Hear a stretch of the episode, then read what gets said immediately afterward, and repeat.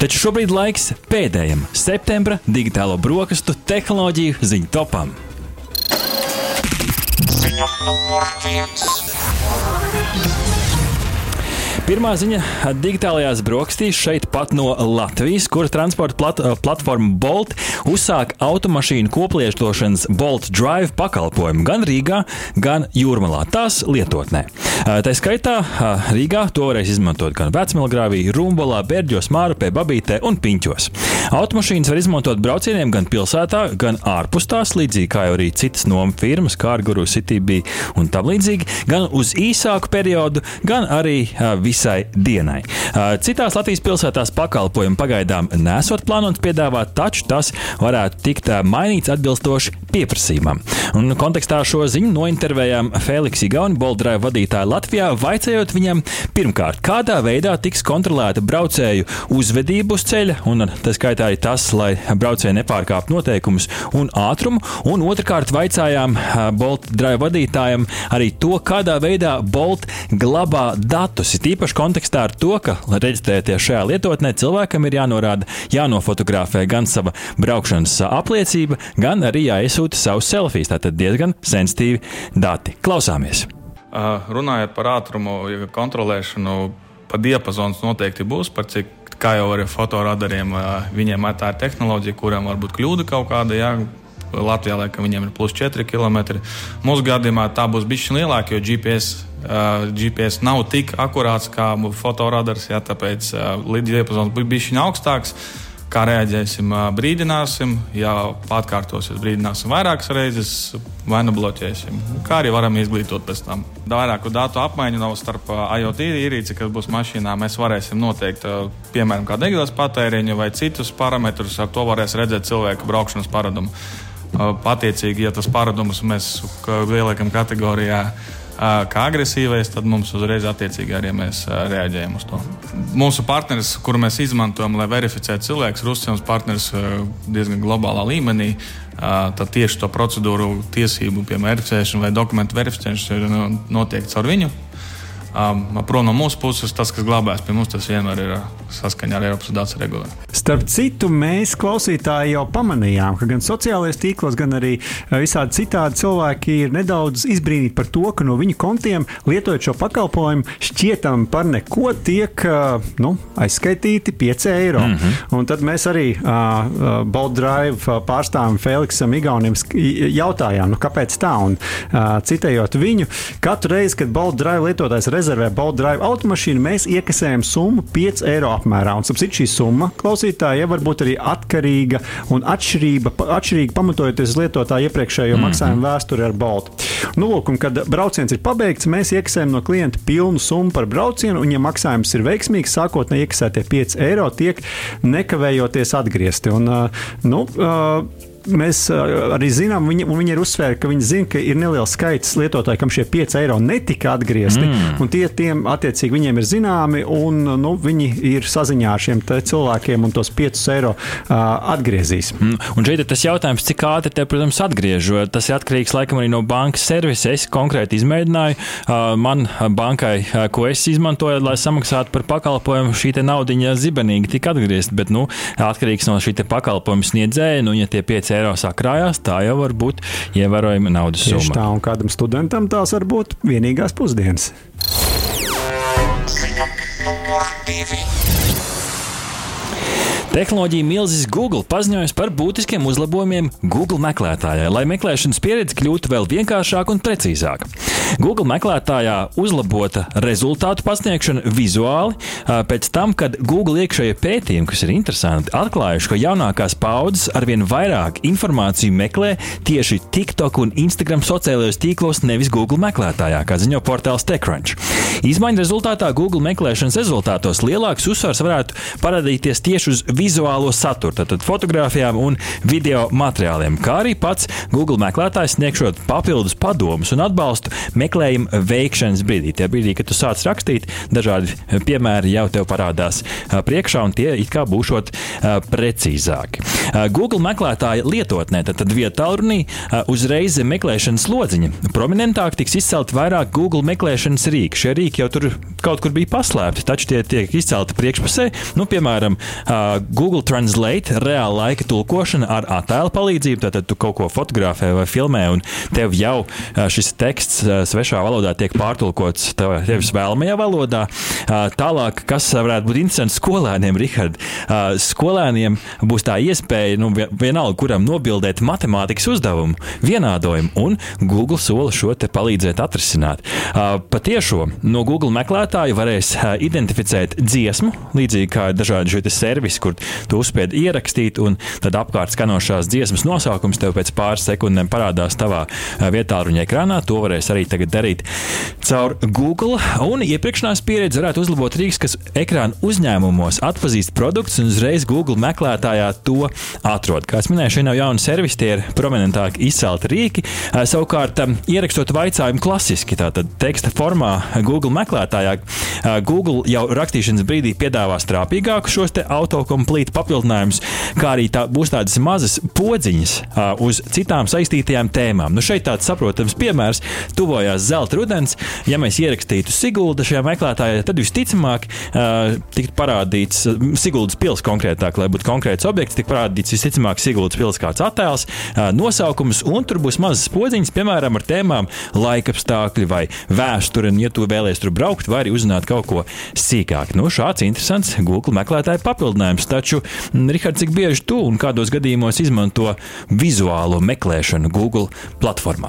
Jā, ja mēs runājam tieši par pašu Google platformu, tad, nu, kad esmu ārzemēs un ir kāda man nesaprotama valoda, tad es labprāt izmantoju šo te, uh, tulkošanas iespēju. Un uh, vēl es mēdzu pārbaudīt dažādu attēlu autentiskumu, jo Google ir iespēja meklēt pēc attēla. Līdz ar to es varu redzēt, kurš vēl un kādā kontekstā konkrēto attēlu ir izmantojis. Līdz ar to var pārliecināties, vai, nu, vai kāds nav teiksim, viltīgi šo attēlu, mm -hmm. piemēram, uzdevis par uh, vakardienu, kaut arī patiesībā tas ir uzņemts jau pirms kāda laika.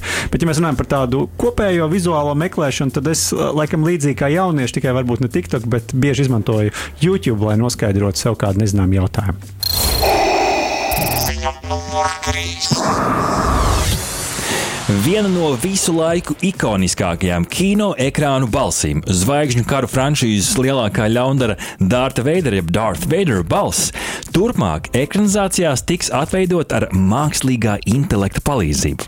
Balss aktieris James Earls Jones, sasniedzot cienījamo 91 gadu vecumu, pēc 45 gadu ilgas lomas atveidošanas, devis savu piekrišanu balsi turpmāk sintēzēt datoram. Un tieši Ukrāņu jaunu uzņēmums Respeecher jau ir licis lietā tehnoloģiju Situ Lorda balsi, liekot lietā jaunākajā zvaigžņu kara TV miniseriālā Obi-Wan Kenobi, jeb Obi-Wan Kenobi. Respeecher, kā stāsta portāls Texpot, izmanto arhīvu materiālus un mākslīgā intelekta algoritmu, lai atveidotu runas plūdumu no aktieriem, kas vairs savas lomas nevar atveidot. Kā izceļ Lukas filmas galvenais skaņu inženieris Matthew Woods, tad šim risinājumam atšķirībā no citiem piemīt nu, pēdiņās cilvēks eh, piesitiens, ja pieskāriens.